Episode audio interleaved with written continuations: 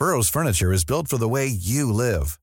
From ensuring easy assembly and disassembly to honoring highly requested new colors for their award-winning seating, they always have their customers in mind. Their modular seating is made out of durable materials to last and grow with you. And with Burrow, you always get fast, free shipping. Get up to 60% off during Burrow's Memorial Day sale at burrow.com slash ACAST. That's burrow.com slash ACAST. burrow.com slash ACAST. Mother's Day is around the corner. Find the perfect gift for the mom in your life with a stunning piece of jewelry from Blue Nile. From timeless pearls to dazzling gemstones, Blue Nile has something she'll adore. Need it fast? Most items can ship overnight. Plus, enjoy guaranteed free shipping and returns. Don't miss our special Mother's Day deals. Save big on the season's most beautiful trends. For a limited time, get up to 50% off by going to BlueNile.com. That's BlueNile.com. Er det medienes oppgave å løse vanskelige kriminalsaker? Er det greit at media driver såkalt parallelletterforskning i true crime-serier om pågående alvorlige kriminalsaker? Etikk i podkaster har blitt aktuelt igjen. Hvordan skal vi forholde oss til det regeltomme rommet mange podkaster opererer i?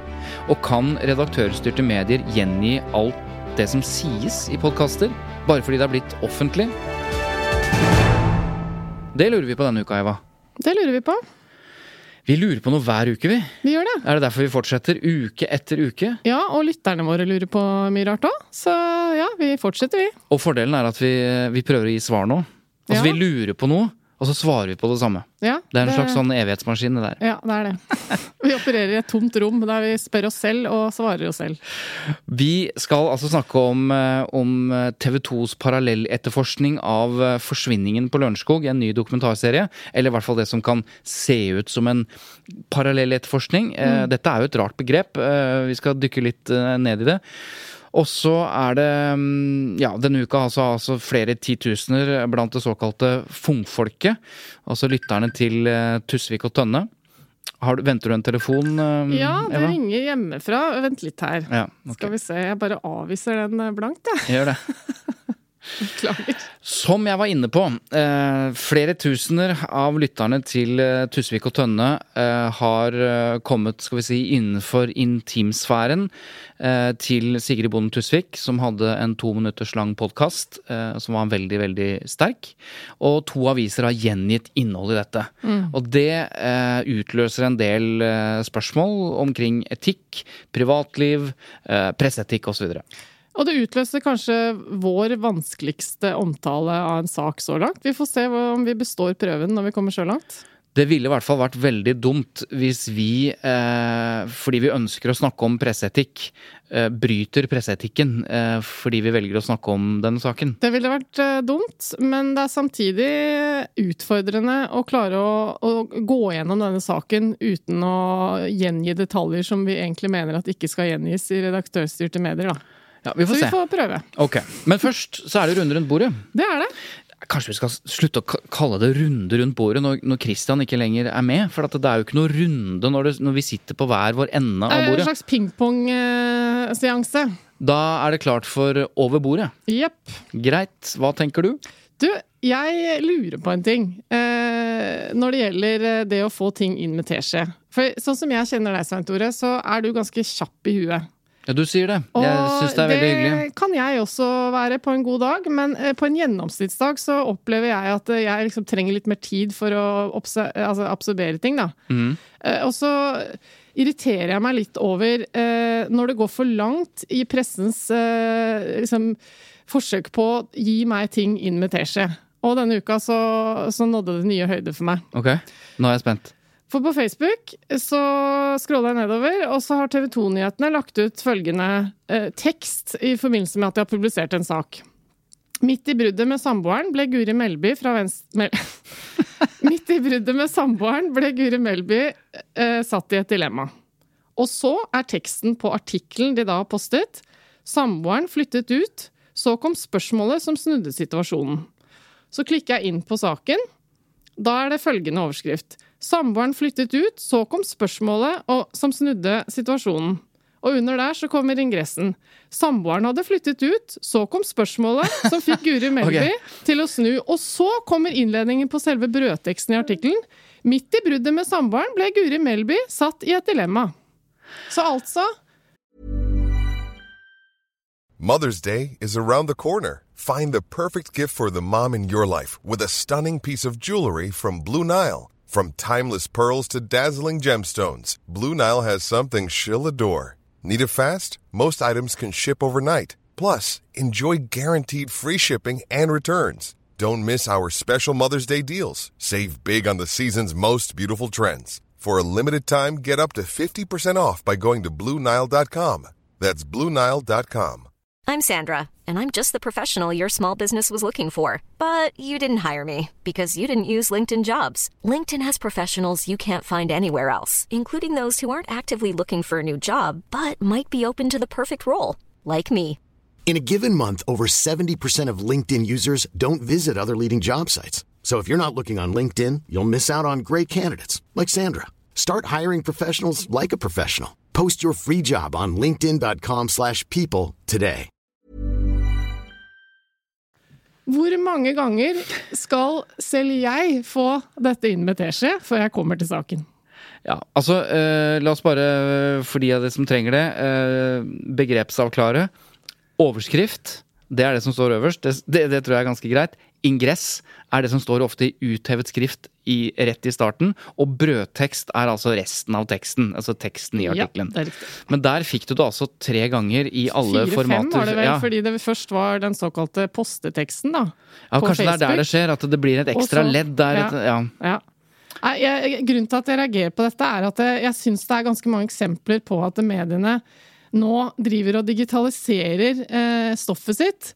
Og så blir det altfor mye liksom, eh, av det samme, for jeg har vært inne på det før, og da lo du av meg når jeg irriterte meg over at det, det kommer uthevninger i en nettartikkel som jeg leser på mobil, eller en bildetekst underveis mens jeg driver og har en leseopplevelse, som på en måte avslører et poeng som kommer i teksten mye senere, fordi det er en bilde... Ikke sant? Ja, men grunnen til at jeg ikke, Jeg føler ikke at brukerreisen er ivaretatt her. Grunnen til at jeg lo litt av det da vi snakket om det for eh, x antall uker siden, var at det er jo det samme når du sitter rolig i et, eh, et papirmagasin, og det er designmessig uthevet et sitat midt på siden. For Det at er det skal ikke det se... samme. Hvorfor ikke det? Jo, fordi at Det forstyrrer jo også, jeg må lese det Nei, to ganger nå skal jeg fortelle deg forskjellen. I et papirmagasin så er det forskning som viser at vi blar gjennom bladet, Ja. og så kikker vi først på overskrifter, vi kikker på litt bilder, og så leser vi ofte bildetekster, og noen ganger så bare havner vi inn et eller annet sted i teksten, eller begynner da, hvis vi da har blitt interessert i saken, så begynner vi å lese artikkelen. Fordi du har et overblikk, mener du? Så bildetekstene har eh, en annen funksjon, det er å dra deg inn i saken i mye større grad. Gi deg et, liksom, Ja, men jeg eh, snakker ikke om det billedtekstene, jeg snakker om de uthevede sitatene som er av designmessig art i Ja, ja, men det er som samme med de, da. Ja. At de skal fange deg inn, ikke sant, Mm. uh, i saken. Mens på nettet så blir det jo en annen ting, for de forstyrrer deg midt i leseropplevelsen. Det er noe annet. Okay. Og det føler jeg ikke at de helt har liksom kommet til mål med. Hvordan det skal gjøre. ja, men det er bra. Dette kan godt hende du deler denne frustrasjonen med flere. Men du uh, syns ikke at dette var å få det litt eh, mye invitasje? Jo da, eh, det, det er jeg enig i at Ja. det var. Det var unødvendig Takk. mange ganger. Takk. Du, jeg har lagt merke til eh, noe, og det er at hvis du eh, tar deg bryet med å svare på spørsmål du får i pressen, da kan du risikere å bli genierklært. Ja. Bare av det faktum at du svarer. Altså, eh, Det er et innlegg i Fagbladet Journalisten skrevet av en kommunikasjonsdirektør eh, som skriver om denne brannskandalen. Overskriften på innlegget hans er 'Svar på spørsmål bli genierklært'. Og han refererer altså til eh, da eh, Anders Palmer, som er kommentator i Bergens Tidende, hadde sett denne pressekonferansen etter at branntrener Eirik Horneland hadde da stilt opp for pressen. Eh, Da dette sto på som verst, denne brannskandalen. Og så hadde han svart på spørsmål. Og, og i kommentaren da, om denne pressekonferansen så skriver Bergens Tidende eh, eh, kommentatoren at dette var liksom kjempebra. Utrolig bra, Jeg liksom. får skryt for å Ja, og veldig svare. skryt. Ja, og det er det denne, denne kommunikasjonsdirektøren som har skrevet innlegget, påpeker. Da, at det, det han strengt La oss se på hva han egentlig gjorde. Han hadde tre kategorier av svar, og jeg syns dette er spesielt interessant i, i liksom krysningspunktet mellom journalistikk og kommunikasjon. Han, gjør, han har substansielle svar. Altså, han svarer på spørsmålene som kommer. Mm. Istedenfor å bare du vet, politikersvaret og begynner å Ja, Det det handler om her, Det er- eller det viktigste er Det er er det vi som kommunikasjonsrådgivere ville råda til i de fleste tilfeller. Eh, vi, vi ville eh, råda han til å svare på spørsmål. Mm. Andre kommunikasjonsrådgivere har av og til en tendens til å eh, påpeke at man må komme med hovedbudskapet sitt. Mm. Og det er jo kanskje forskjellen på gode og dårlige svar og gode og dårlige råd. Det andre han gjorde, var at han svarte noe som ikke ga noe mer informasjon. For han kunne ikke si noe særlig mer. Eh, Så han hadde noe svar som, eh, som eh, Han visste jo mer enn det han svarte, men, men han ga ikke noe mer informasjon. Men en, en viktig tredje ting han gjorde, det var istedenfor å si sånn ingen kommentar eller sånn, så sa han bare du, det vet jeg ikke. Altså, eh, og jeg synes det er så Ja, og det, og det er jo Det tyder jo på at det er for lite helt liksom reale svar eh, i pressen. Fordi at når de først gir sånne helt nedpå svar Du, det vet jeg ikke. Eller som han sa innledningsvis, ta det med ro. Alle skal få svar så godt jeg kan, men ikke stress. Nice and easy, så tar vi det sånn etter hvert. Det var det han sa. Så hele holdningen hans til pressen, at dere skal få svar, jeg skal gjøre så godt jeg kan, det ble altså veldig godt mottatt. Eller i Bergens Tidende genierklært. Det fikk meg til å tenke på disse politiske debattene som er om dagen. Så hender det at eh, noen av politikerne får spørsmål som basically er utenfor det de er opptatt av. Da. Mm. Eh, Og her om dagen så, så fikk Une Bastholm et spørsmål som, som hun bare måtte si det er ikke eh, et saksområde som vi er noe særlig Jeg husker ikke hvordan Ja, han, sa det, men som vi er noe særlig opptatt av. Eller det er, det er ikke noe vi Og så så jeg jo at hun bare Åh, liksom. Men det er ærlig, det òg. Ja. Ja, men ikke sant? hun skjønner at det, det kommer jeg til å få kritikk for. Ja, jeg syns det var fint, jeg. jeg. jeg liker å høre sånne ting. At Og jeg nei, det er ikke det vi Så jeg avbrøt deg igjen. Og så tok du deg i det. Ble... Jeg er i hvert fall mer fan av ærlighet, og jeg tror folk er mer fan, fan av ærlighet enn at de bare konstruerer et svar. Enig. Ja. Ok, så Men eh, da er vi vel eh, Da har vi tatt den runden over Det har vi, så da skal vi i gang med Hallo i luken. Hei! Christian Lydemar Strander. Hei! Så hyggelig å se deg. Takk. Hva i all verden eh, gjør du her, holdt jeg på å si? Jeg vet du er i bygget, men eh, Ja, vi driver jo og forbereder neste ukes tut. Vi sitter jo hele redaksjonen der ute nå. Eh, jobber beinhardt. Vi er 100 stykk nå. Ansatte siste nå i går. Så, ja, det er godt dere er der for oss. nei, altså, for nye lyttere Kristian heter jeg, da. Ja. Kanskje. Han var tidligere programleder i Tut og Mediekjør. Ja, Ja. det er sånn det er. Og da var det en runde rundt bordet. Det var Pussig at du skulle komme inn akkurat nå. Ja, vet du hva, jeg satt og hørte på det ble, du hørtes så stusslig ut at det var over bordet Har du plutselig. sånn avlytting inn til kontoret ditt? Ja, jeg hører på dere hjemme privat òg, jeg. Så jeg vet alt om dere. Så jeg, jeg har mange andre spørsmål òg. Men jeg hadde et spørsmål til den Ja. runden rundt bordet. Okay. Fordi eh, journalisten hadde jo et eh, intervju med Tut og Mediekjør. Ja. Og, og, ehm, og det var jo um, veldig bra intervju. Veldig, dere var jo kjempeflinke. eh, Tusen takk. Så, veldig fint. Eh, Men det jeg stusset litt over, det var at eh, mye av intervjuet var jo også sit direkte sitater fra selve episoden av Tut og Mediekjør den uken. ja, det har vi også fått et lyttespørsmål om ja. eh, i forbindelse med en annen sak. Ja. Ja, vi har fått et lyttespørsmål om, om eh, en eh, Og vi hadde jo Fredrik Gressvik her, og, eh, som hadde vært i Kabul. Og journalisten, den samme eh, Blekka som du nå eh, snakker om, hadde jo tatt hele vår sak og skrevet om den, Ja. men siterte oss. Så det er mange spørsmål rundt akkurat dette her. Så da lurer jeg på litt sånn, Er det sånn da at kan jeg starte opp et eget, et, en egen avis og bare satse på å transkribere alle podkaster der ute? Og så får jeg veldig mye billig stoff inn, da. Og kan jeg bare lage en sånn kjempebra avis ut av det? Uh, yeah. Kan jeg få prøve å svare? ja, vær så god. Jeg tror det enkle svaret er at hvis du hele tiden da siterer hvem du har stoffet fra, Eh, og der hvor det er litt kontroversielt det som blir sagt, ringer opp eh, de som er ansvarlig for podkastene og liksom sier at du skal gjøre det og spør om det er greit osv., så, videre, så er du ganske home free. Ja, Det er noe som heter en sitatrett eh, i Norge, og der kan du så lenge du siterer, eh, og, og ikke driver rein avskrift eh, så det ser ut som det er ditt, når du egentlig ikke er ditt. Det er det du ikke kan gjøre, ikke sant? Så, og det er mange som driver sånn, det er ikke noe helt ny forretningsidé. Det er mange skal vi si, Hæ? ganske små redaksjoner som ikke gjør noe særlig journalistikk, men, men som siterer andre og, osv. så videre. Så, Eh, Det er jo, det er jo mange som tar NTB-saker og det, Så det er jo egentlig det der. Ja, og da sier de jo at det er fra NTB. Ja, og så det er ikke nøkkelen verre enn det. her. Det er nøkkelen her. Ja, ok. Så hvis jeg sier at det er fra den den podkasten, så kan jeg samle alt dette i ett, da. Og så Ja. gi ut det. Ja, men det er jo et veldig interessant spørsmål, fordi det er jo stadig vekk saker eh, hvor det tar ganske lang tid før man skjønner hvor dette kommer fra. Og det er jo veldig ofte når det handler om kjendiser som har vært gjest i en podkast, sagt noe ærlig og, og åpent om et eller annet som har vært vanskelig. Eh, og så er det først i bunnen av saken, eh, f.eks. på Dagbladet, langt etter at du har klikket deg inn fra Facebook og inn i og sånn, hvor du skjønner at å ja, dette ble sagt i Ja. podkasten til Så det er ikke noen regler på Furuseth. hvor den informasjonen skal komme i saken? Eh, Det er i hvert fall ikke liksom, helt ned på nitty-gritty-nivå-regler, men det er jo det som er god presseskikk. Det er at det skal være tydelig for leseren at dette kommer fra et sted, og der mener jeg at mange slurver, da. Ja, så En ting er dårlig sitatpraksis, Kristian, Det kan irritere oss. Vi blir jo glad vi når journalisten eh, tar saker som vi har snakket om, og sier eh, det, eh, og, og gjør det veldig tydelig at det er jo nettopp vi som har snakket om det. Eh, for da får jo vi såkalt omtale. Så det å bli sitert, det skal man også vite. Sitatsaker er journalister veldig glad for. Altså hvis Dagsrevyen sier 'til P4 sier den og den sånn og sånn', så blir jo P4 superhappy. Ja. Fordi at de blir sitert av Dagsrevyen.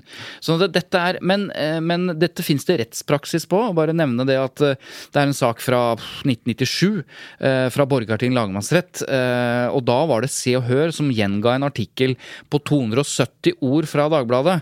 eh, Som er kanskje kort til å være avisartikkel, men atskillig lenger enn det man kan kalle en notis og en sitat. ikke sant? Og da ble Se og Hør eh, dømt til å betale journalisten som skrev den opprinnelige saken, erstatning fordi de hadde rett og slett stjålet åndsverket hans. Oi, Så det er grenser for hva du kan holde Og på med. med. selv da hadde de sagt hvem det var fra. Ja, de sa at det var en slags, det var en slags faksimile, det da, ikke sant? De hadde tatt, tatt bilde nærmest av avisen Dagbladet, og så bare putta det inn i sin egen layout, og så, og så, kunne du, så leste du på sett og vis hele saken i Se og Hør. Du trengte ikke å lese Dagbladet. Det er jo en enda bedre forretningsidé, da. Bare ta bilde av Ja, faksimiler, og det var det det kalt- det ble kalt faksimilesaken. Ja. Dette har vi jo for så vidt snakket om eh, da vi omtalte Mats Hansen-artikkelen i Se og Hør, ikke sant? som var basert på mye han hadde fortalt i sin egen bok, f.eks. Det er jo ikke helt det samme, men det er jo i samme landskap. Men det er veldig sjelden at eh, noen eh, får smekk for å ha sitert for mye.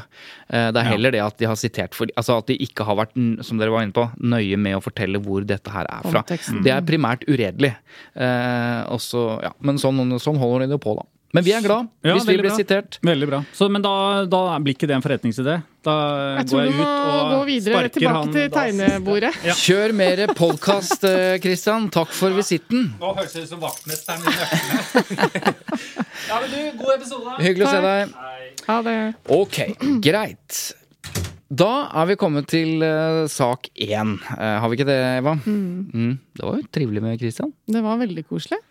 Jeg tror vi skal eh, være ærlige og tørre å si at dette handler jo da om podkasten til Tusvik og Tønne. Ja, det er den første saken vi skal, kan mm. snakke om. Uh, la meg prøve. Altså, eh, Tusvik og Tønne-podkasten som vi har uh, snakket om tidligere, har jo fått kritikk uh, fordi de er så eh, harde og ærlige og kjefter og smeller og kritiserer og beskriver andre folk og andre ja, ja andre folk Ja. i sin podkast. De, de gjør en slags moralsk bedømming av ting som skjer, eh, som Ja. involverer andre. Og så har de gått for langt enkelte ganger, hvor vi har kritisert dem, og de har, de har også uh, innrømmet at de kanskje har gått litt langt. De, de balanserer på en ganske sånn hårfin knivsegg. knivsegg. Uh, når jeg sier de er harde mot andre, så er de jo om mulig enda hardere mot seg selv. Ikke sant? De, de, de har jo brukt denne podkasten for å utlevere uh, seg selv og sine tanker og, og sitt privatliv, og, og gud hjelpe meg, alt mulig. Så de, de gjør jo ikke forskjell, eh, skal sies. Um, og så er det sånn at uh, nå var det en utgave av podkasten som jo er eh, en veldig, veldig stor podkast. Dette er jo i aller høyeste grad offentlig. Ja, det er mellom 80 og 125 000 lyttere i uka Ja. i den podkasten. Eh, og den podkasten, istedenfor å vare i 45 minutter eller en time, eller hva, det vanligvis er, så varte den i to minutter. Underkant av to minutter. Hvor uh, Sigrid forklarer at hun er på et veldig, veldig vondt sted i livet, en livskrise, og hun forteller eh, hvorfor. Så dette handler om noe veldig privat som hun gjør offentlig. Um, så det ene er det. Altså hvor går grensene for, uh, for uh, hvor privat man kan være når det involverer andre mennesker, og ikke bare deg selv. Det skal vi snakke om. Men det er jo også sånn at det hun sa, ble jo sitert i avisene. Det vil si bare to. Det var Avisa Oslo, en ganske ny avis, lokalavis for Oslo, som tilhører eh, A-media-konsernet, som siterte dette. En ganske kort sak, men, men Mer med eller mindre ordrett. alt hun sa. Og så står det at de har prøvd å få tak i de som er omtalt, altså både Sigrid og, og familie. Eh, men hele saken er presentert. Det samme gjør Nordstrands Blad. Eh, og jeg tror det er en eh, enda mer lokalavis, altså nærmere på der eh, Sigrid Bonde Tusvik bor. Sånn som ofte lokalaviser følger det veldig tett opp. Men uansett, det er også en A-medieavis. Saken er omtrent lik. Så, men det er bare de to avisene. Og det er jo litt rart, kanskje. Vi har fått masse lytterhenvendelser på dette, både på etikken i det og sånn.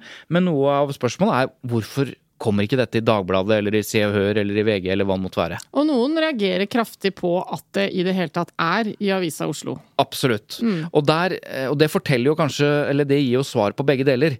Altså, hadde dette vært grei skuring, så ville jo alle sitert denne saken fordi eh, den er spektakulær, og det er en kjendis, og i det hele tatt. ikke sant? Sånn at det Hadde det ikke vært for da at dette er høyst privat.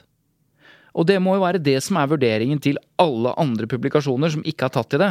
Det er nettopp at de kan ikke rettferdiggjøre en publisering om dette um, av, av etiske og presseetiske hensyn. Og så er spørsmålet, eh, når Sigrid Bonde Tusvik selv eh, snakker om ting eh, for flere titusener av lyttere, er det ikke da ute i det offentlige, kan man jo spørre? Mm. Og svaret, øh, hvis jeg kan tillate meg å svare først Det at ting er offentlig, betyr jo ikke at det skal publiseres i redaktørstyrte medier. Det er det ene. Og det andre er at eh, det eh, Sigrid da omtaler, kan involvere flere enn henne selv, som også må hensyntas. Og, og det er jo hele kjernen. Fordi hvis du sitter og snakker om ditt eget liv, eh, om dine problemer og gleder og alt det der, så er det jo ingen som kan stoppe deg. Eh, du kan gjøre det, og noen kan jo kanskje mene at det, burde du ikke gjort, eller du må beskyttes mot deg selv, eller hva det måtte være. Eh, men hele forskjellen ligger jo nettopp i det. At involverer den, skal vi si, eh, åpenheten og, og, og alt det du snakker om, hvis den involverer andre mennesker. Mm. de, de de bor sammen med, barna, foreldre eller søsken eller hva det måtte være. Nå snakker jeg helt kolleger, generelt. ja. Kolleger. Ja, så er det en helt annen skål. Ja. Så, Så, ja, ikke sant? Fordi da, da kan man jo potensielt begynne å nærme seg det begrepet som vi kjenner, nemlig at folk må beskyttes mot seg selv. Hvis jeg velger å stille opp i en avis og fortelle om ting eh, som jeg mener at jeg skal kunne gjøre i et avisintervju, f.eks., men så kan redaksjonen bestemme seg for at eh, det, vi, vi mener at vi må ta ut noe av det Eva sier, av hensyn til barna hennes i fremtiden, kanskje, da? Eller, ja, eller kanskje de gjør en vurdering av at du er nå åpenbart i en, i en sorgprosess, f.eks., eller en situasjon, en livskrise, som gjør at vi rent presseetisk vurderer at eh, du antageligvis, eller vi vurderer det, at du ikke ser kanskje helt rekkevidden av uttalelsene dine.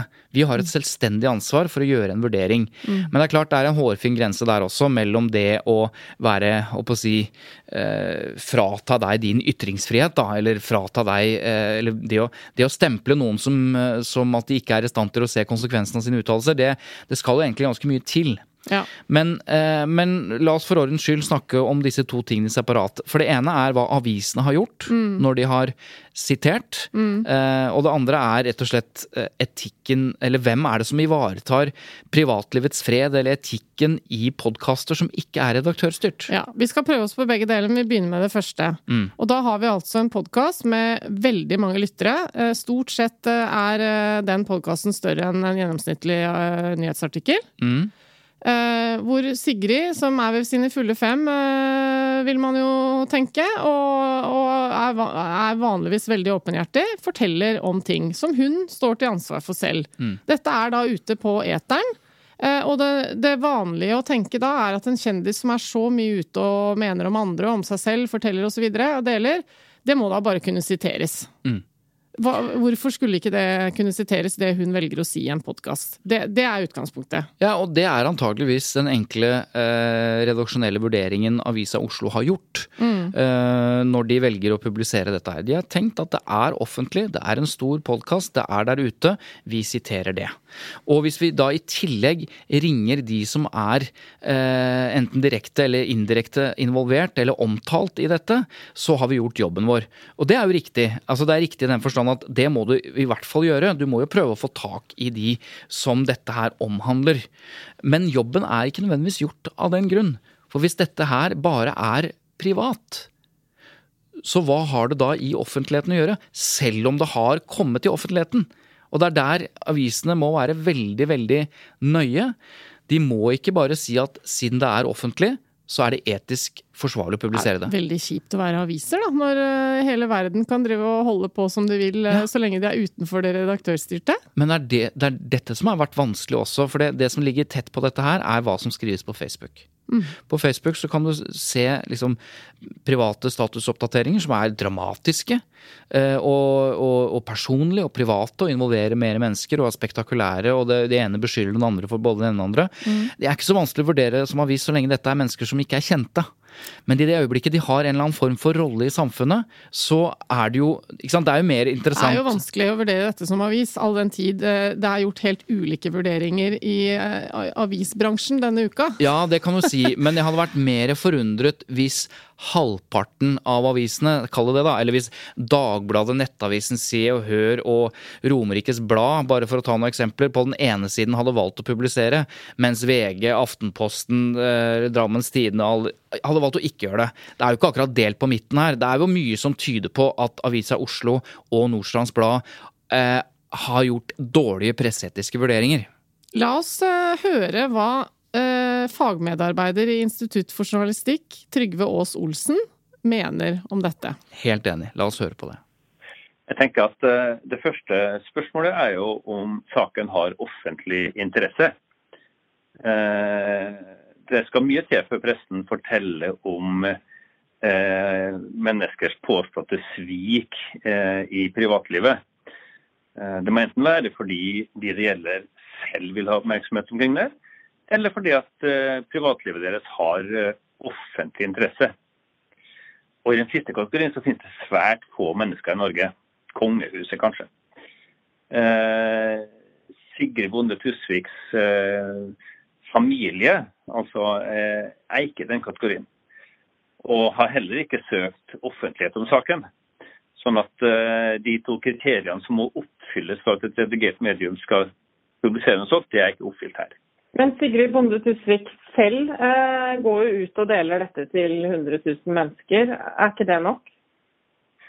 Eh, nei, eh, Sigrid Bonde Tusvik selv er ikke underlagt Vær varsom-plakaten Sigrid Bonde Tusvik kan, eh, og vi alle andre også, kan, kan si hva vi vil liksom på privaten, eller for så vidt. Eh, også i bloggene våre, så lenge vi holder oss innenfor loven. ikke sant? Eh, men når et redigert medium skal videreformidle dette, så må det skje innenfor ramma av Vær varsom-plakaten. Så Hvorfor er det ikke nok da å tenke at eh, her bruker jeg, eh, herr redaktør, sitatretten og siterer mer eller mindre ordrett det som blir sagt i en podkast med mange titusener av lyttere. Er ikke det nok? Nei, fordi at eh, den podkasten inneholder en sterk beskyldning mot en person.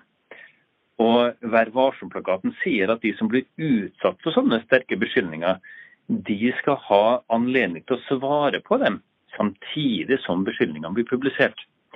Og det har ikke skjedd i dette tilfellet her. Hvis da den som har blitt utsatt for sterke beskyldninger av faktisk art, som du sier, hadde blitt forelagt den beskyldningen eh, i en e-post eller en SMS, da, eh, og sier det ønsker jeg ikke å kommentere, hvor står man da som redaktør? Ja, Da står man igjen med spørsmålet om saken har offentlig interesse eller ikke. Ikke sant? Eh, etter mitt skjønn så er det svært tvilsomt om denne saken har offentlig interesse. Altså i et, etter, etter journalistikkens kriterier, da. Ikke sant? At Sigrid Bonde Tusvik selv velger å snakke om en på en podkast, det er en helt annen sak. ikke sant? Eh, hun opererer ikke innenfor Vær varsom-plakatens eh, eh, og, og ja, hun, hun driver ikke journalistikk.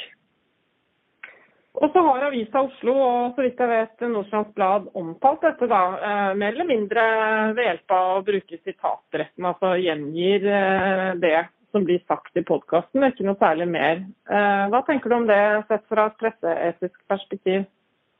Jeg tenker at Hvis den personen som er utsatt for disse sterke beskyldningene fra Sigrid Tusvik, hvis vedkommende klager saken inn på Pressens faglige utvalg, så vinner han årets klareste seier. Ok, så han sier uh, basically at det er to viktige punkter, uh, som, eller to viktige krav. Det må ha offentlighetens interesse, du må vurdere det. Og hvis du da uh, vurderer det og har det på trykk, så må det være en samtidig imøtegåelse, fordi det er sterke Hvis påstander. noen Hvis noen blir utsatt for Kan det. jeg da få skyte inn det jeg alltid pleier å skyte inn, nemlig at offentlighetens interesse da ikke skal forveksles med offentlighetens nysgjerrighet. Nei. For her er det grunn til å bli nysgjerrig på, i alle retninger. Så Absolutt. nysgjerrigheten kan ikke styre her. Og det bidrar jo parten selv til, for så vidt, men Ja. ikke sant? Ok, så um, Og så er han jo inne på at eh, Sigrid Bonde Tusvik eh, driver ikke redaktørstyrt medium, hun driver, driver ikke journalistikk. Hun kan gjøre hva hun vil, eh, så lenge det er innenfor loven. Nå skal vi problematisere det etterpå, for vi skal problematisere hva som skjer innenfor disse podkastene. Men uansett. Så det er hovedskillet.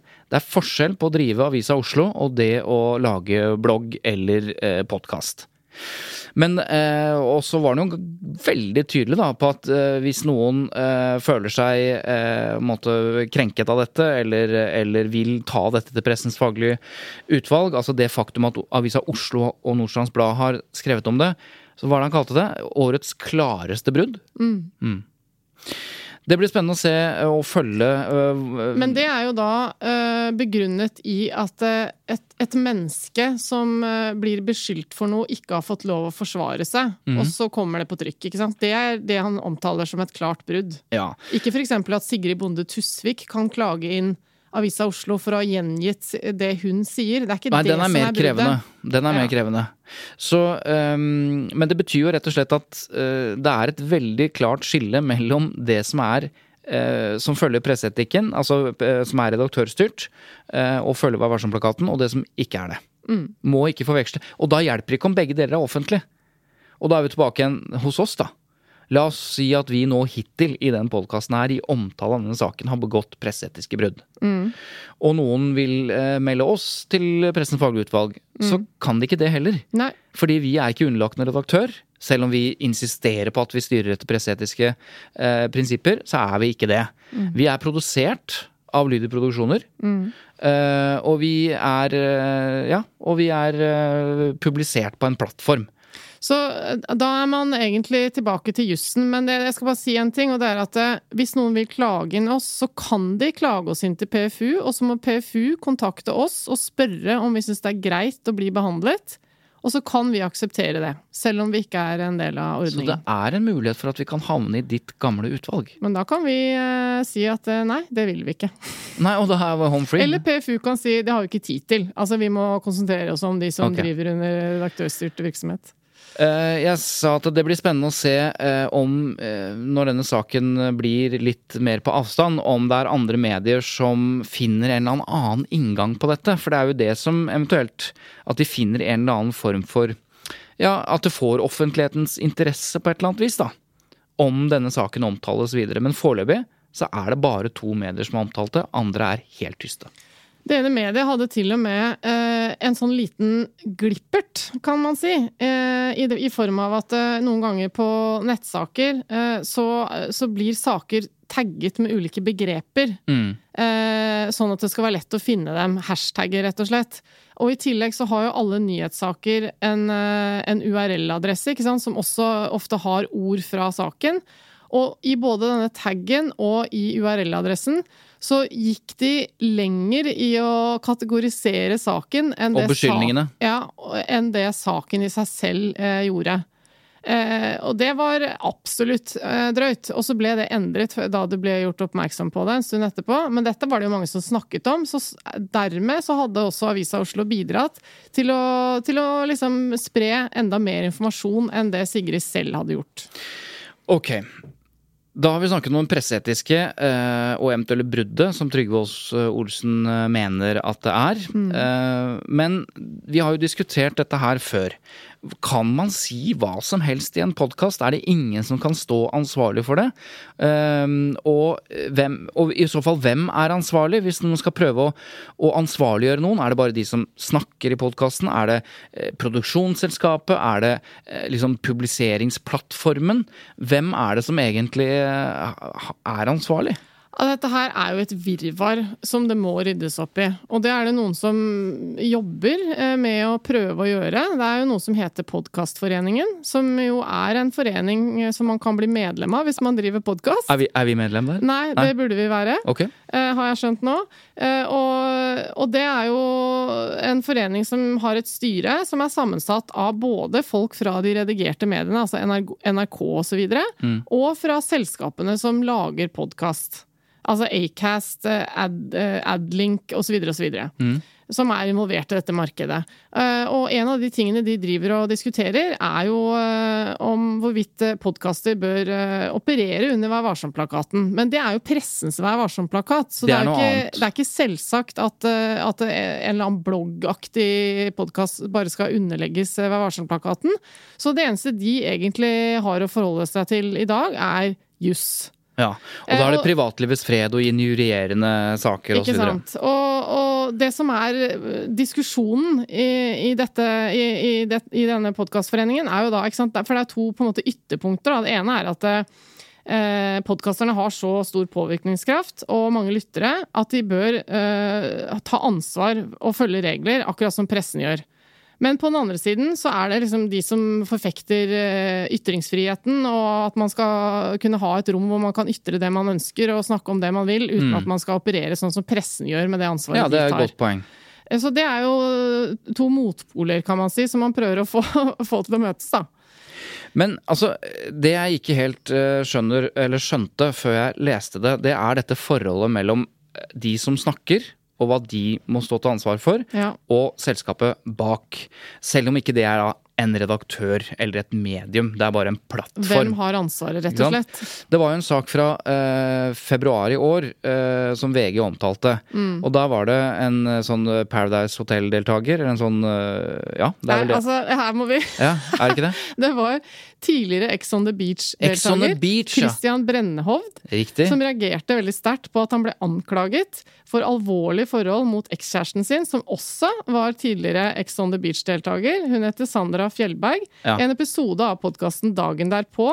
Og det, uten at han fikk forsvare seg, da. Og det er en pod som publiseres av Bauer Media. Ok. Det er jo, Bauer Media er jo de som driver med P4 og så videre. Ja, ja, det er et medie. Nei, unnskyld. Jo, Nei. Radio, Radio Norge. Det er jo eller- de som driver med Radio Norge og Riktig. flere radiokanaler også. Riktig.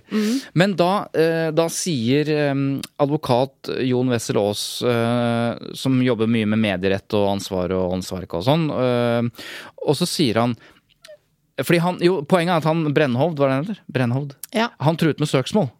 Ja, fordi han reagerte jo på at han ikke ble kontakta i forbindelse med den episoden. Sånn Ja. som jo mediene ville tenkt at her er det noen som blir utsatt for en beskyldning.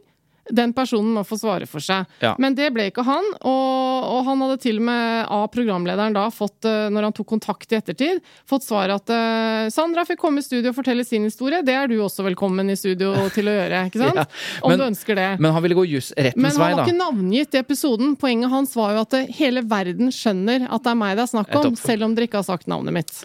Men altså, advokat Jon Wesselås, han sier jo da at eh, altså, rettslig sett så er det jo den som ytrer seg, som har hovedansvaret. Ikke sant? Mm. Hun. Ekskjæresten, da. Men når noe publiseres av medier som omfattes av medieansvarsloven, Mm. har også utgiveren som et, eh, et erstatningsansvar hvis innholdet da krenker noe privatliv eller er ærekrenkende. Eh, Hør her. Medier, altså som omfattes av medieansvarsloven. Ja. Eva, Og det er jo det som er litt vanskelig her, for nå, nå henger dere med nå, tror jeg- lyttere? Nå tror jeg til og med jurister eh, må inn i tekst for å klare å liksom svare riktig på dette her, for det er ikke så lett å vite. For det heter jo da Medieansvarsloven er det man sier, for det var det den het før. Den heter formelt sett i dag Lov om redaksjonell uavhengighet og ansvar i redaktørstyrte journalistiske medier. Ja, men- men Ja. eh, i denne loven, i paragraf to som omtaler virkeområdet for loven, Ja. eh, så står det loven gjelder for medier som driver regelmessig journalistisk produksjon og publisering av nyheter, aktualitetsstoff, samfunnsdebatt eller annet innhold av allmenn interesse. Loven gjelder ikke for medier som har markedsføring som hovedformål. Altså en podkast som Tusvik og Tønne, eksempel, eller noe annet som ikke tilhører et mediehus som Aftenposten, VG, Stavanger Men som utgis av en utgiver som Ja. publiserer masse podkaster Som i dette tilfellet er Aller Media og Adlink, ikke sant? Ja, er er Adlink eid av Aller Media, for Ja. å gjøre det mer komplisert? Ja, det okay. er jeg ganske sikker på. Okay. Ja, så de, det høres ut som at de egentlig også vil omfattes av medieansvars... Eller den loven som Ut eh, ifra hvordan jeg kan forstå teksten, så ja. Jeg ringte til Jon Wessel Aas, Ja. men han tok ikke telefonen. Fordi, fordi han satt i et sånt uh, viktig, viktig møte. Uh, Hellags uh, advokattjafs. Uh, og så skrev jeg en tekstmelding eh, til han, eh, og så spurte jeg sånn Er det sånn, da? Ja. Er det sånn, da? ja. Uh, litt sånn som jeg nå prøver å finne ut av. Ja, veldig behjelpelig i den type spørsmål. Ja, og så skrev han et eller annet om at eh, så enkelt er det ikke. Eh, eh, vi må snakkes. Ja. Eh, og det har vi ikke da fått før denne podkasten. Sånn er det jo av og til. Men, men eh, jeg sier det bare for å illustrere at det vi nå har snakket om, ja. når vi da driver og prøver å finne ut av dette, det er ikke så enkelt. Nei, virkelig ikke. Eh, og det er jo derfor Men, men eh, her har jeg en et slags Dette er det jeg tror kommer til å skje. Vil du høre? Eller? Ja, hva jeg tror- vil høre. Hva, hva tror du kommer til å skje? Vil du si det først? Nei, eh, nå vil jeg veldig gjerne høre hva du tror. Jeg tror at markedet, og da tenker jeg ikke på primært liksom markedet som den kommersielle kraften, men jo, markedet vil ta seg av dette. Altså, det er de som er ansvarlige utgivere, enten de kaller seg mediehus eller hva det er, de kan ikke leve med i lengden dersom det kommer masse ærekrenkende privatlivets fred-ish greier på lufta, for det eh, vil skape masse støy. Jeg tror at det som nå er i ferd med å skje i podkastverdenen, f.eks. Podme, Skipsteds satsing, som handler om å samle både store og små, kjempepopulære og smale podkaster i et slags betalingssystem, det, vil jo, det i seg selv vil jo automatisk føre til at alle de podkastene blir underlagt Skipsted, altså et mediehus. Det er jo i seg selv et problem, men det kan vi ta en annen gang. Jo, Hvis det kan det man, skjer. Ja, Mm. men, men det betyr jo f.eks. at la oss si vi, da. Ja. Som er nå eh, helt uavhengig. Hvis vi skulle bli en del av Podme av en eller annen grunn, Mm. så ville vi automatisk gå fra å være nå frie uten at vi svarer Mm. til noen, til å bli svaret til en redaktør i dette systemet. Ja. Jeg tror veldig mange havner der, og eventuelle konkurrenter av Podme vil måtte gjøre noe av det samme. De må sette redaktører ansvarlige for produktene. Mm. Og så tror jeg det vil være noen få eh, helt eh, liksom alltid, som vil være helt uavhengig, og poenget vil være å være uavhengig fri, så de kan tøye de grensene helt så, så langt ut at det toucher på en måte lovens yttergrenser. Ja, men da, er vi jo, da blir jo ikke problemet løst av markedet hvis det fortsetter. Nei, men for er jeg, de nå er det et større problem. Selv om ikke det er så mange som øh, håper å si, er så drøye, så er det allikevel problem at det er for mange publikasjoner, Ja. for mange podkaster, for mye prategreier som står i fare for å gå i fella hele tiden. Fordi de ikke har begrep om hvor, hvor grensene går hen. De har ikke noen redaktør. Ja, ja. Og jeg tror hoveddelen av det kommer til å bli ordnet ved at det kommer til å Mm. utvikle seg den type systemer. Og så tror jeg f.eks. Tusvik og Tønne, ja kanskje de ikke vil eh, Kanskje de nettopp er poenget at de må være frie, da. Ja, og da må vi Da er vi akseptere tilbake det. til start, så jeg er usikker på om Ja, men- jeg er enig i, i, med deg i hva jeg tror kommer til å skje, da. Ja, Hva tror du Jeg kommer til å skje? Jeg er litt usikker på om eh, markedet eh, kontrollerer seg selv her. Altså, det, det er jo litt det samme problemet vi har diskutert i noen år nå med Facebook. Hva, hvordan forholder vi oss til ting som legges ut der? Eh, Da er det jo egentlig bare jussen der også. Jo, men også er- Der har du et ansvarlig selskap som heter Facebook, som må forholde seg til fake news. De må forholde seg til alle disse tingene ja, de har hvor, fått kritikk for. hvor godt går det? Nei, det kan du si, men der er det i hvert fall Her i podkastverdenen så er det bare mange Jo, jo, men altså, hvis jeg nå legger ut uh, en post på Facebook hvor jeg kommer med noen beskyldninger om ting og tang, så er det jo ikke liksom uh, strømlinjeforma hvordan det blir håndtert i jussen, med hvilket ansvar Facebook skal ta for min ytring osv. Dette er jo ikke akkurat, uh, har ikke akkurat styrt seg selv hittil. Sant.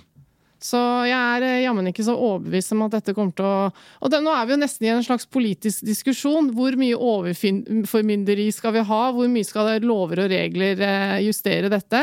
Kontra skal markedet bare ordne opp av seg selv? Og du mener jo tydeligvis eh, i dette tilfellet det siste. Nei, ja, jeg tror kanskje at markedet tar, tar det seg det, men hvis jeg skal mene noe veldig tydelig, så Ja. mener jeg alt som utgir seg for å være journalistikk, eller ligger innenfor det vi ville sagt er liksom, offentlig samtale og presse osv., Ja. de bør eh, sørge for at de følger presseetiske regler, enten de svarer til en redaktør eller ikke. Ja, det mener det jeg er er jo det denne podkastforeningen driver og jobber uh, i, Ja. med. da, At det, det bør kanskje foreligge en slags Vær varsom-plakat for podkaster. Men da begynner jo diskusjonen hvorfor skal den være annerledes enn eh, resten av Vær varsom-plakaten? For Jo. det handler om publiseringer. Det kan du si. Det er vanskelig, dette her. Uh, Men så mener jeg samtidig at podkaster som har lyst til å tøye grensene, må få lov til det. Altså, Jeg er for ytringsfrihet, jeg er for Men de, jeg syns ikke de skal være slemme.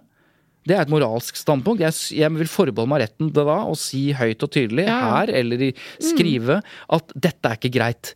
Og det er jo det som skjedde med Tusvik og Tønnen da de gikk for langt for et år siden. Det var en omtale av Ari Behn, og de satt og de måtte beklage og Ja, greier. det er sant. Og da fungerer jo den offentlige samtalen på den måten at hvis du, hvis du er kødd, så sier noen at du er en kødd. Ja da. Og da må du Men- på en måte Ja, jeg ser poenget ditt, men ikke sant? eh, denne som vi akkurat snakket om, den podkasten som omtalte de Ex on the Beach-deltakerne og sånn, den ble jo tatt av pga. disse reaksjonene til han hovedpersonen, Ja. som ikke var navngitt, men som opplevde at hele verden skjønte at han var blitt anklaget for noe greier. Ja, men da fungerer det på ett Ja, men det da. fungerer jo eh, sånn prinsipielt, Svein Tore. Men det som eh, Skaden har jo allerede skjedd.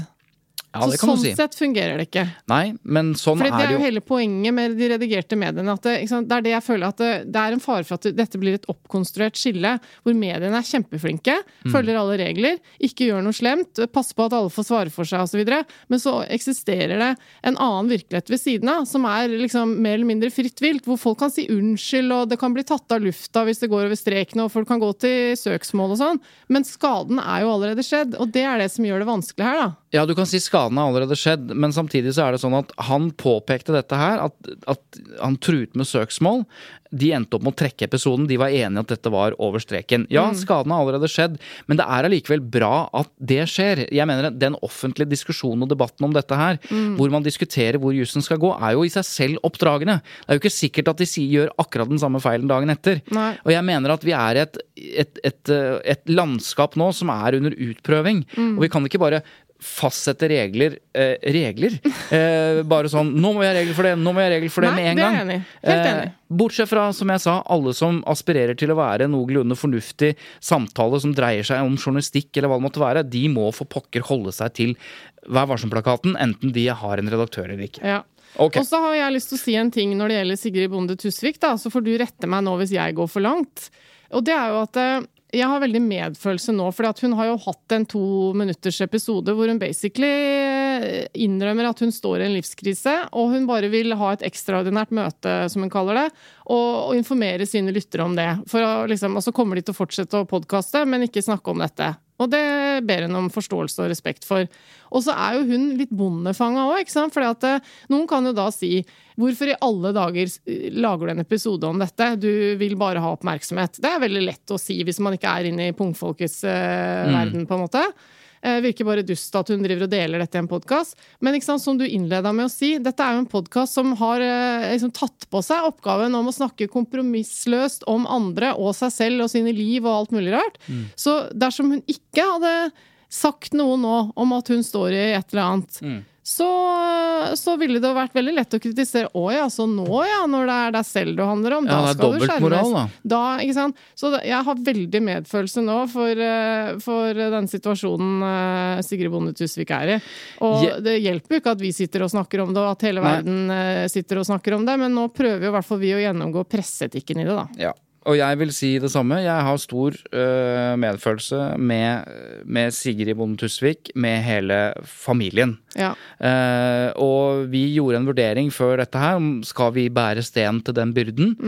Eh, og så snakket vi litt om at på samme måte, da, som at Sigrid Bonde Tusvik måtte snakke om dette, for det ligger på en måte i hele podkastens natur. Det ville vært rart hvis hun ikke gjorde det. Så mener jeg altså det ville vært rart at vi som hver uke snakker om presseetikk, og snakker også om Mm. det utvida medierommet, altså podkaster, hvor dette her Dette er jo på en måte kvintessensen i hva, dette, hva utfordringene vi, vi snakker om hver uke, handler om. Mm. ja. Ville vært veldig rart hvis vi også skulle være. Ja. Og dessuten så har vi eh, har ikke den nedslags... Det er ikke som å sitte og snakke i en VG-podkast om dette, da. Det, er- Nei da, men folk oppsøker det oss for, oss, for å høre med 10 20 eller Nei. 11 000, så det blir også vanskelig. Nei, men folk opp, Vi er ikke en allmennpodkast som du bare dropper innom. Folk oppsøker oss fordi de er interessert i de temaene vi snakker om. ja, det er riktig. Ja. Eh, og så kan det jo også nevnes at eh, jeg har tatt kontakt med Sigrid Bonde Tusvik bare for å informere om at eh, vi er interessert i presseetikken i dette osv. Men jeg har jo selvfølgelig full forståelse for at hun ikke prioriterer å svare noe til oss. Men vi har i hvert fall gitt anledning, da. Ja, vi har tatt kontakt med mange og snakket Ja. om dette med, Ja. med mange ulike folk før vi gjør dette. Og det, ja. Men nå har vi i hvert fall Men gjort en ting eh, jeg umiddelbart stussa over, var uh, hvorfor ikke Se og Hør skriver om dette. Det er, det er noe jeg tror de fleste ville anta at de ville gjøre. Ok, For det Se og Hør representerer på en måte det mest Rampelys, tabloide ja. kjendis, som jo mange vil si at eh, Sigrid da er. Ja, okay. eh, og at det er juicy eh, At eh, hun liksom mm, indikerer et eller annet dramatisk i livet sitt. La meg tippe. Mm. Spurte du fagmedarbeider på Institutt for journalistikk Trygve Aas Olsen om det? Det gjorde jeg faktisk. Ok, la oss høre det. Ja, det tenker jeg fordi at uh, Se og Hør uh, vet at det ville vært et brudd på Vær med mindre de får kontakt med eller et svar fra uh, den som er utsatt for disse beskyldningene. altså. Så kan det også hende selvfølgelig at Se og Hør håper at Sigrid Bonde Tusvik skal fortelle alt om den vanskelige tiden litt senere, og at de derfor vil samarbeide med henne om det. Det kan det jo hende at de håper. Og så kan det jo faktisk hende også at eh, Se og Hør tar hensyn til folk i, som har å gjøre med denne saken, rett og slett. Det Og det- vet vi jo ikke. Altså, det kan jo være helt menneskelige hensyn. Ja. Uh, og da skal vi ikke gå inn i den diskusjonen at det er veldig mange som mener at de ikke har tatt uh, hensyn i andre saker, men, uh, men, men dette er jo vet? Vi vet i hvert fall nå at ingen andre enn Nordstrands Blad og Avisa Oslo har sitert fra dette. Da skal vi videre. Du kom til meg på kontoret, Eva, og sa du hadde sett eh, TV 2s nye serie om, eller første episode av Lørenskog-forsvinningen. Mm. Eh, er det nå vi da for ordens skyld skal si at TV 2 også er en kunde? Så har Ja. vi sagt det i all Av åpenheten. oss i vår vanlige jobb. Ja. Men vi er jo også vanlige medbrukere og seere og ser på dette. Og du kom og sa at det er et eller annet her som ikke liksom kanskje er helt som det bør være. Altså du hadde gjort deg noen meninger om dette Ja, her. eller altså jeg var undrende uh, mer enn jeg var kritisk. Fordi jeg ser da denne, denne dokumentaren, som jeg tror er i to deler, som TV 2 har laget. 'Forsvinningen uh, løn, uh, Hva heter den? 'Forsvinningen på Lørenskog'. Eh, hvor eh, Altså, de dramatiserer i true crime-formatet på TV hele denne saken. Fra start og lineært, liksom, med etterforskningen. Fokus på detaljene i etterforskningen. Eh, og jeg syns jo det er superinteressant. Eh, Så det er ikke noe med det, og det er superunderholdende. Det er jo et ord man ikke skal bruke i den sammenhengen, det er jo en veldig alvorlig sak, men det er jo underholdende. Ikke sant? Det er det som er greia her. At, man, eh, at true crime-sjangeren eh, man, man kan kritisere true crime-sjangeren for å lage underholdning av alvorlige kriminalsaker, da. Men det gjøres jo hele tiden. Altså, vi leser jo romaner og bøker og, og ser på film. Altså, Kan, kan jeg bare si noe før du går videre på saken, om eh, bare sånn, sånn Du lite sidespor? Ja, ok. Altså, jeg er altså så forbanna lei hver gang noen snakker om, og det har jeg sikkert grunn til å være òg, fordi jeg har jobbet med sjangeren, at dette, denne, dette munnhellet, dette sedvanlige kritikken om at man lager underholdning av alvorlige saker. altså, men for pokker! Det, det betyr at absolutt alt som er på TV, er per deff underholdning, fordi det sendes på et eller annet tidspunkt, er sånn at eh, dokumentar om Scandinavian Star, som ingen ville reagert på, altså en dokumentarserie om Scandinavian Star, Eller om Afghanistan-krigen. eller hva det måtte være. Da snakker man ikke om Man gjør underholdning av eh, Scandinavian Star. Nei, det gjør man ikke. Men det er jo en samme type dokumentarjournalistikk og, eh, og journalistikk som bedrives. Ja. Men det er bare at når man velger å ikke være, å like det, da sier man da er det underholdning. Ja. Alt som er som vi, Alt vi ser, ser vi av en eller annen grunn for å enten bli opplyst, eller la oss underholde, eller hva det måtte være. Men den derre ja, Jeg ble så forbanna på det der. Nei, men eh, det er nå en reaksjon som mange kjenner litt på, da. Ja. Eh, jeg reagerte ikke på det da jeg så denne. Så Jeg syns det er interessant, men det som jeg lurer på, er jo da eh, Er det riktig, eh, hva skal jeg si, moralsk igjen, da? At mediene skal ta på seg oppgaven under en sak som er under etterforskning. Det er det som gjorde at jeg ble litt mer usikker nå. For jeg synes, Du har jo laget Baneheia-podkast som ser på saken i retrospekt. Og så er jo den også blitt varm igjen i den forstand at den er gjenopptatt. da.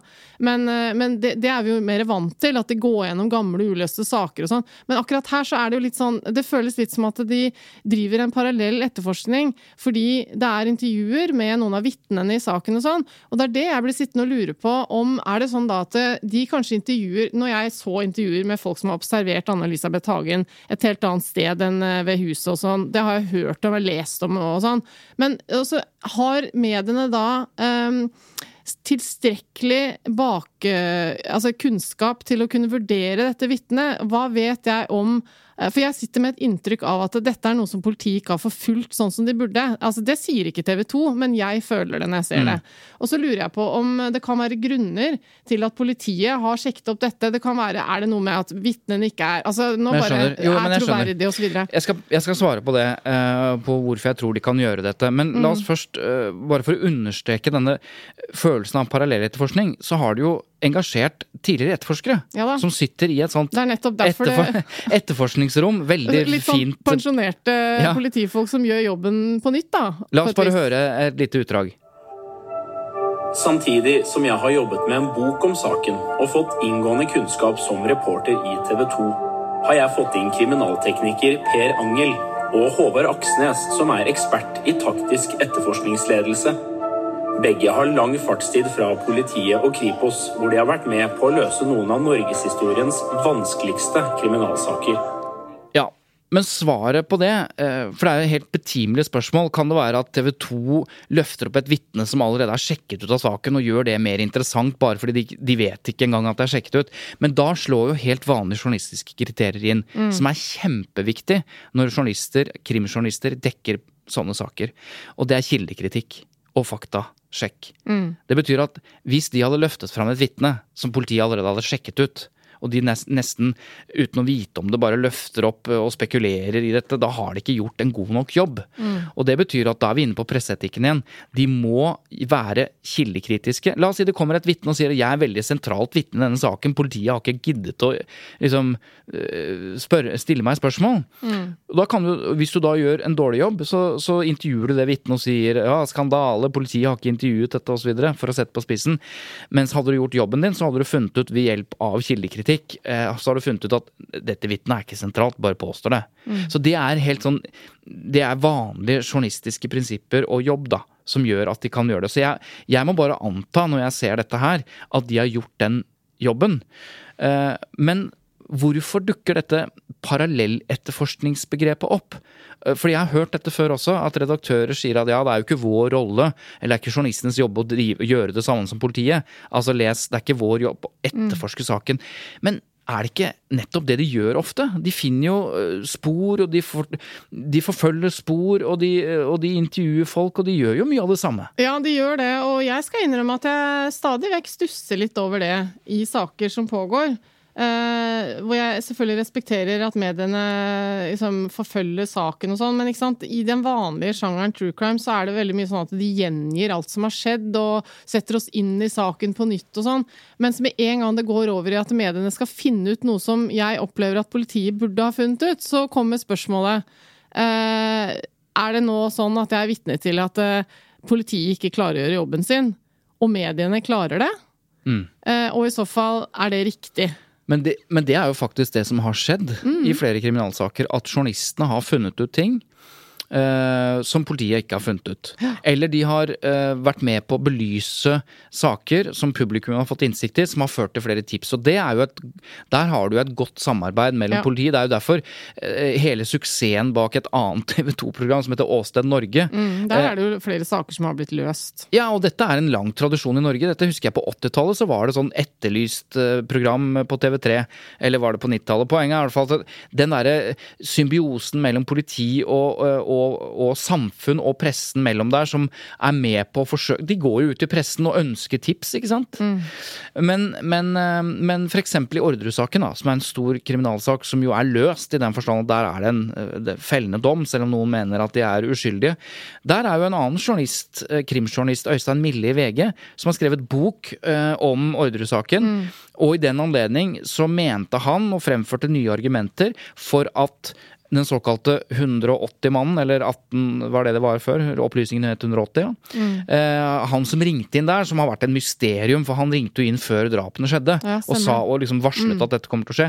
Han påstår i sin bok, og har funnet bevis for, og belegg for, at det er Lars Grønnerud. En av de som eh, Ja, ble dømt dette i har det saken. også vært laget dok- TV-dokumentar Ja, og poenget bare at eh, det er Det drives jo kritisk undersøkende journalistikk i krimsjangeren som man må eh, kunne betrakte som eh, parallell etterforskning, da, hvis du skal ja, bruke altså, det. det er jo gravejournalistikk, da, egentlig.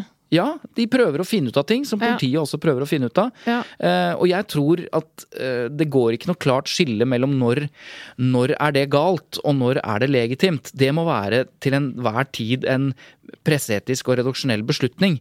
Det som er det viktigste, og her kommer kanskje noe, noe av poenget på å ikke blande roller, det er at, at journalistene kan ikke komme i veien for politiets etterforskning. Altså, altså i, det, sant, I det øyeblikket man forstyrrer etterforskningen, da, er det, da er det Det går ikke. Ja, for jeg har, vært, eh, jeg har kommunisert litt med Karianne Solbrekke, som er uh, nyhetsredaktør i TV 2, da, uh, som jo har laget denne serien. Hun er ikke redaktør for den serien vi snakker om nå, men hun har generelt ansvar for krimjournalistikken på nyhetene. Og akkurat på det spørsmålet der, så, så sa hun det. At det, alltid er et ønske om å komme videre i saken og i beste fall oppklare den, men at de er bevisst på ikke å ødelegge for politiet, som du sier. Eh, og at de er jo i dialog med politiet. eh, og som oftest så er hennes inntrykk at eh, politiet mener at det kan være til hjelp, da, det mediene gjør.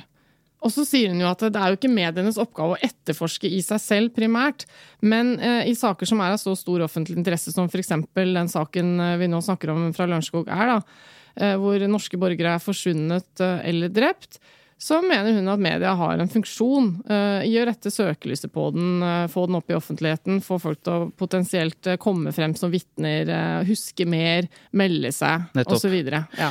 Og der gjør man dette riktig, så, så drar jo både politiet og for så vidt journalistene i riktig retning. Men en veldig vesentlig tilleggsfunksjon og rolle som mediene har, er jo å se politiet i kortene også.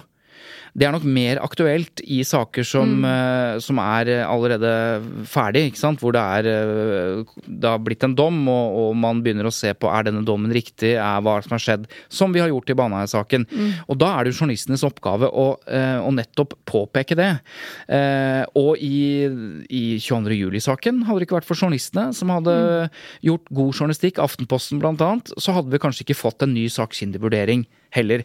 Så det er jo et samspill her som er viktig, men, men på hovedspørsmålet vårt i dag, om det er riktig at journalisten skal drive parallellforskning, Vans det er van vanskelig å si. Ja, For mye av journalistikken si. er nettopp å drive gravende, Ja. undersøkende journalistikk, og da er det litt av det samme. Jeg tror eh, reaksjonene kommer ofte på form. At det er litt avhengig av hvordan det gjøres. Og, og hun fortalte også, eh, Karianne Solbrekke, fra den eh, Birgitte Tengs-dokumentaren, mm. så ble det jo dramatisert. Eh, en del av scenene og det, det som omtales. ikke sant? Sånn at det var en skuespiller som spilte Birgitte i noen scener og sånn. Det, det fikk de en del kritikk for. For da reagerer folk på at det ser mer ut som underholdning. Det blir dramalignende Som jo bare er en da. fortellerteknikk for å på en måte gi folk et, et best mulig inntrykk av hva som har skjedd. Mm. Men jeg har lyst til å bare avslutte akkurat dette her med krimjournalistikk og, og problem, problemer eller muligheter innen det med et slags mal apropos. Mal apropos. Eller kanskje bare et apropos.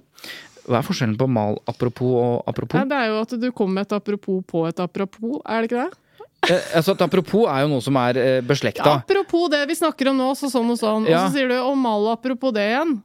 Nei, jeg tror mal-apropos, det må jo være at det ikke er øh, Det er ikke et I det hele tatt Nei, apropos? Ja, det er jo bare negativt apropos. Nei, jeg vet ikke.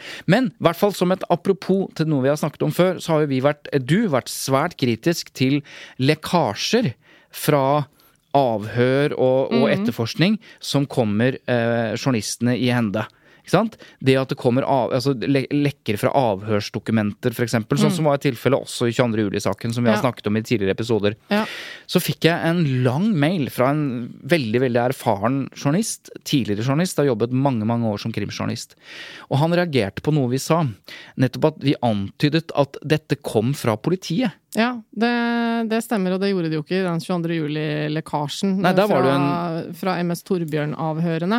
Nei, og, det, eh, og han skriver eh, at Jeg kan i hvert fall ta noe av det han sier. At i løpet av de, liksom, de ti årene som krimreporter i den avisen han var, eh, så opplevde jeg ikke én gang å få utlevert et avhør fra politifolk. Ja, samtidig ikke tall på hvor mange ganger jeg har satt på advokatkontorer og leste opp og kopierte avhør. Altså Gitt at det er et politiavhør, så er det også en advokat til stede, en forsvarer. ja. Eh, og det kan være ulike interesser eller ulike grunner til at Ja, det var jo lekkasjer fra partene i den saken der, det ble jo omtalt i mediene også. ja, i den saken, men jeg snakker generelt. Ja. Så, så tenker man at når, eh, når journalistene får tilgang til etterforskningsmateriale, så tenker man kanskje som leser eller seer at det er automatisk politiet. For det er jo de som driver etterforskning. Men advokatene som er involvert, har jo også tilgang til den samme. Mm. Um, så, sånn at uh, Det er en interessant påpekning, da. Det er jo hans erfaring, men jeg tror han deler erfaring med mange. Ja. At uh, det, er, uh, det er ikke sånn at politiet nødvendigvis lekker som en sil. Det kan være andre, eller i dette tilfellet mener han det alltid er, andre. Viktig, det er viktig å understreke. og Da, da jeg intervjuet en gravejournalist i Aftenposten i forbindelse med 22. juli-dekningen under Arendalsuka, så, så fortalte jo han at de satt med 22 000 sider lekkede dokumenter. Mm. Som underlag for sitt eh, arbeid med å finne ut av liksom, politi og myndighetenes arbeid osv. Ja. rundt Jan Rulle. Men du, Ja. nå har jeg definisjonen på malapropos foran meg. Ja, Det var godt vi kunne ikke avslutte denne episoden uten å definere hva er malapropos. Fra Store norske leksikon. Malapropos betyr dårlig anbrakt, ubeleilig, i utide. Noe som ikke har sammenheng med den saken det er snakk om. Nettopp. Så det er, hvorfor heter det mal apropos? Det, er- det bare ikke et apropos. Nei! Apropos noe annet, apropos noe helt annet, er jo da et mal apropos. Men eh, apropos noe helt annet, eh, det er på tide å si ha det. Ja, det er det. Skal du si det? Ha det, Svein Tore. Ha det, Eva. Og ha det til deg som eh, hører på oss. Og så kan vi legge til da, at eh, send inn eh, lytterspørsmål til eh, tut at lydeproduksjoner.no eller på Facebook-siden. Ja. Og det, i dag har vi besvart mange lyttespørsmål, faktisk, gjennom det vi har snakket om. Vi har det. Mm. Så takker vi Christian Lydemar Strander, som eh, driver Lyddeproduksjoner Og for sitter og avlytter oss nå Ja. på kontoret sitt. for å ha produsert sendingen, og for å ha vært eh, en slags eh, gjest i dag. Det var hyggelig. Ja. Og så høres vi igjen, hvis ikke noe helt spesielt skjer, neste uke. Det vil si, Kan du garantere at vi høres igjen neste uke? neste uke så skal vi snakke om det der spørsmålet som eh, av og til journalistene sier. Kan du garantere ditten? Kan du garantere Nei, vi kan Altså, ikke garantere jeg, noe som helst! Jeg, jeg skrur snart av TV-en hvis, hvis de fortsetter med det. Det er én ting vi har glemt. Nå har vi, nå, det er litt dumt, for Hvis folk jogger nå, da, og Mm. de har hørt på oss, så er de veldig gira på å sette på musikk. Ja, eller tror de de at de tenker at, når de er ferdige, da er min løpetur ferdig. Ja. Så nå skal vi la dem løpe litt til. Fordi jeg bare kom på noe at vi skrev på Facebook at, eh, at vi skulle avsløre noe i en episode. Og det har vi ikke gjort. Husker du hva det er?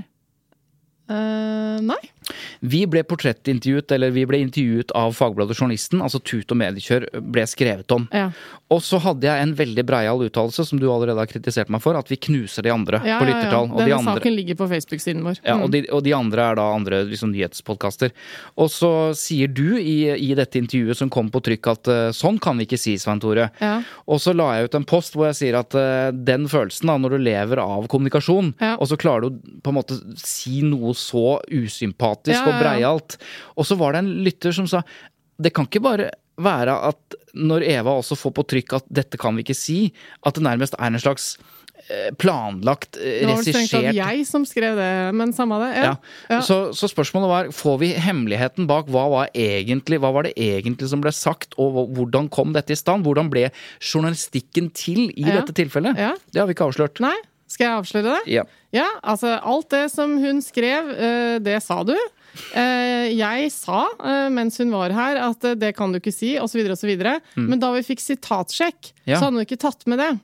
Nei, Eh, og da sa jeg til journalisten at eh, som jeg sa da du var her og intervjuet oss, så syns jeg det var litt viktig at du fikk frem at jeg ikke var helt komfortabel med den breiale tonen til Svein Tore, for det, det syns jeg fremstiller oss feil. Mm. Eh, og så spurte jeg om ikke hun kunne ta inn det som jeg faktisk sa da hun intervjua oss, Nettopp. og da gjorde hun det. For det, det er jo et ut... Journalisten har jo ikke skrevet alt vi sa, for det hadde blitt et forferdelig langt og kjedelig intervju. Men, så hun Kjedelig vet jeg ikke, men Nei. Så hun, så hun gjør et utvalg, og da har hun valgt å ikke ta med det. Og det var ikke noe brudd Nei, presseetisk. nei, nei, absolutt ikke. Men nei. det var nå engang sånn at du sa det, og bemerket at sånn kan vi Jeg ikke si. utelot noe som jeg mente var avgjørende. Riktig. Mm. Da har vel eh, lytterne løpt eh, lenge nok, kanskje. Ja, Da kan du ta en liten spurt på slutten her. Da Ja. går kondisen raskt opp hvis du driver med det. Og du skal få eh, vignetten på kjøpet, så bare klin til nå! Ok, men da sier vi ha det. Ha det bra. Ha det.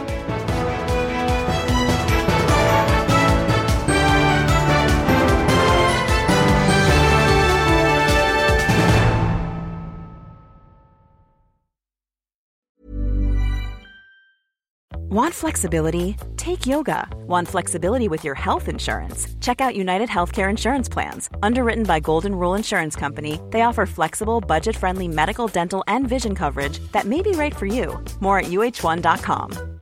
When you make decisions for your company, you look for the no brainers. And if you have a lot of mailing to do, stamps.com is the ultimate no brainer. It streamlines your processes to make your business more efficient, which makes you less busy.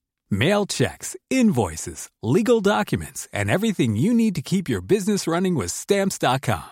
Seamlessly connect with every major marketplace and shopping cart. Schedule package pickups and see your cheapest and fastest shipping options from different carriers. With rates up to 89% off USPS and UPS rates. And with the Stamps.com mobile app, you can take care of mailing and shipping wherever you are. Make the same no-brainer decision as over 1 million other businesses with Stamps.com. Sign up with code PROGRAM for a four-week trial, plus free postage and a free digital scale. No long-term commitments or contracts.